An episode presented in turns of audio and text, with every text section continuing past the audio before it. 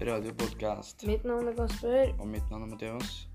Hvordan går det med deg? Supert. Bare et spørsmål først før vi starter. Hva gjør du på fritida? Jeg bruker å være med venner, game og hjelpe med båt og fiske. Hva Gjør du det? Jo, jeg spiller fotball, går på ski, jakter og gjør fjøs. Det høres artig ut. Vil du høre en vits? OK? Alle barna var jøder unntatt Mathias. Han trodde på Messias. Jeg skal ikke glemme den, ikke. Men nå må vi komme til det vi egentlig skulle snakke om. Vi har laga en podkast om demokrati i Norge. Da starter vi. Da var det 1814 vi skulle starte med. Ja, det er rett. Det var i 1814. Vi fikk, et egen, vi fikk en egen grunnlov og ble et fritt land. Vi ble jo inspirert av den franske revolusjonen når de 112 mennene utenom Nord-Norge skrev grunnloven 17. mai på Eidsvoll i 1814. Det er jo hele 207 år siden. Ja, det er veldig lenge siden. Eh, men nå Men var ikke noe mer som skjedde i 1884 1814? 4. november òg. Jo, da gikk vi ut av unionen med Danmark og ble i unionen med Sverige. Forstår. Men vet du hva som skjedde i 1884? Nei, jeg er ganske usikker, men jeg tror jeg vet litt. Det starta med at statsminister Johan Christian Selmer nekta å komme på Stortinget og høre på hva de hadde å si. Så det endte med at de dømte han til riksrett. Var ikke det noe med han Johan Sve- Sverdrup? Jo, Johan Sverdrup eh, var, eh, ble statsminister etter at Christian Selmer gikk av etter at han var dømt til riksrett. På hvilken måte var han en spesiell hendelse? Jo, fordi når Johan Sverdrup ble statsminister, så innfridde han noe som heter for parlamentarismen. Parlamentarismen er en, er en eh, styreform der hvor regjeringa må ha flertall på Stortinget for å kunne bestemme noe. Var ikke denne 23. juni? Det stemmer. Og så fikk vi to partier. Jo, vi fikk òg to partier i 1884. Det var Høyre og Venstre. Nå kommer vi til noe jeg gleder meg til. Får jeg en tipp? Ok? 1905. Sekkerhet. Jo takk. I Norge hadde vi en folkeavstemning som førte til Unionoppløsning den 20. juni. Når unionen var løst opp, stemte vi fram Karl til konge. Og han skifta navnet sitt til kong Haakon. Da har vi vært i union med Sverige siden 1814. Og etter 1905 ble vi et eget land. Men du, Mathias, hvis du skulle ha sagt din mening om en sak, hva ville du ha gjort for å fått fram den meninga? Da ville jeg kanskje tatt det opp i et klasseråd.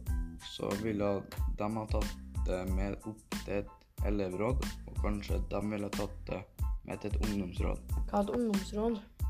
Et ungdomsråd er ei gruppe ungdommer fra hver skole i Indre Fosen, men også i hele landet, som samles en gang i, u- i måneden og snakker om saker.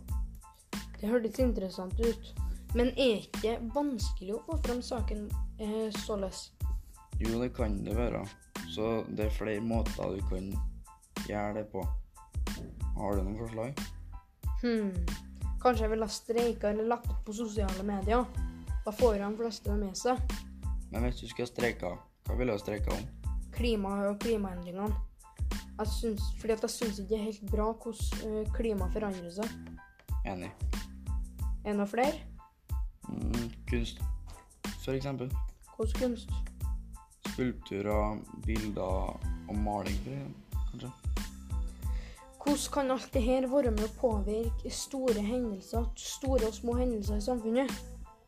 Hvis du har en sterk mening om en sak, så kan du si det til noen. Så kan andre bli inspirert til å se på den saken fra en annen side.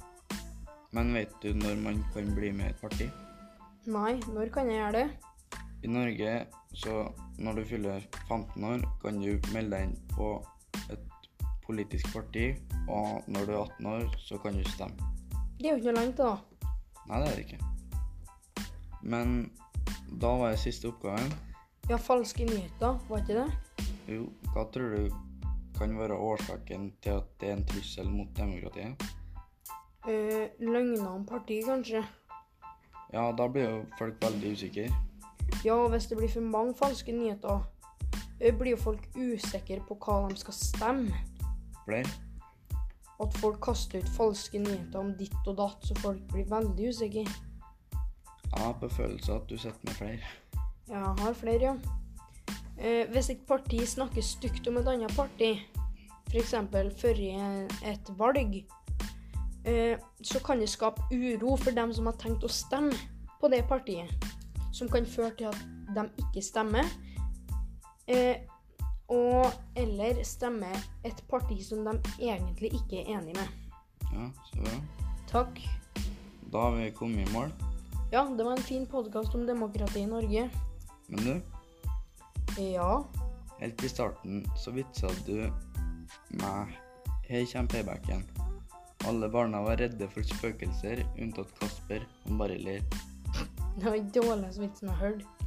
Ja, men da tenker jeg vi bare avslutter. Ja, det er greit. Vi snakkes. Ha det. Ha det.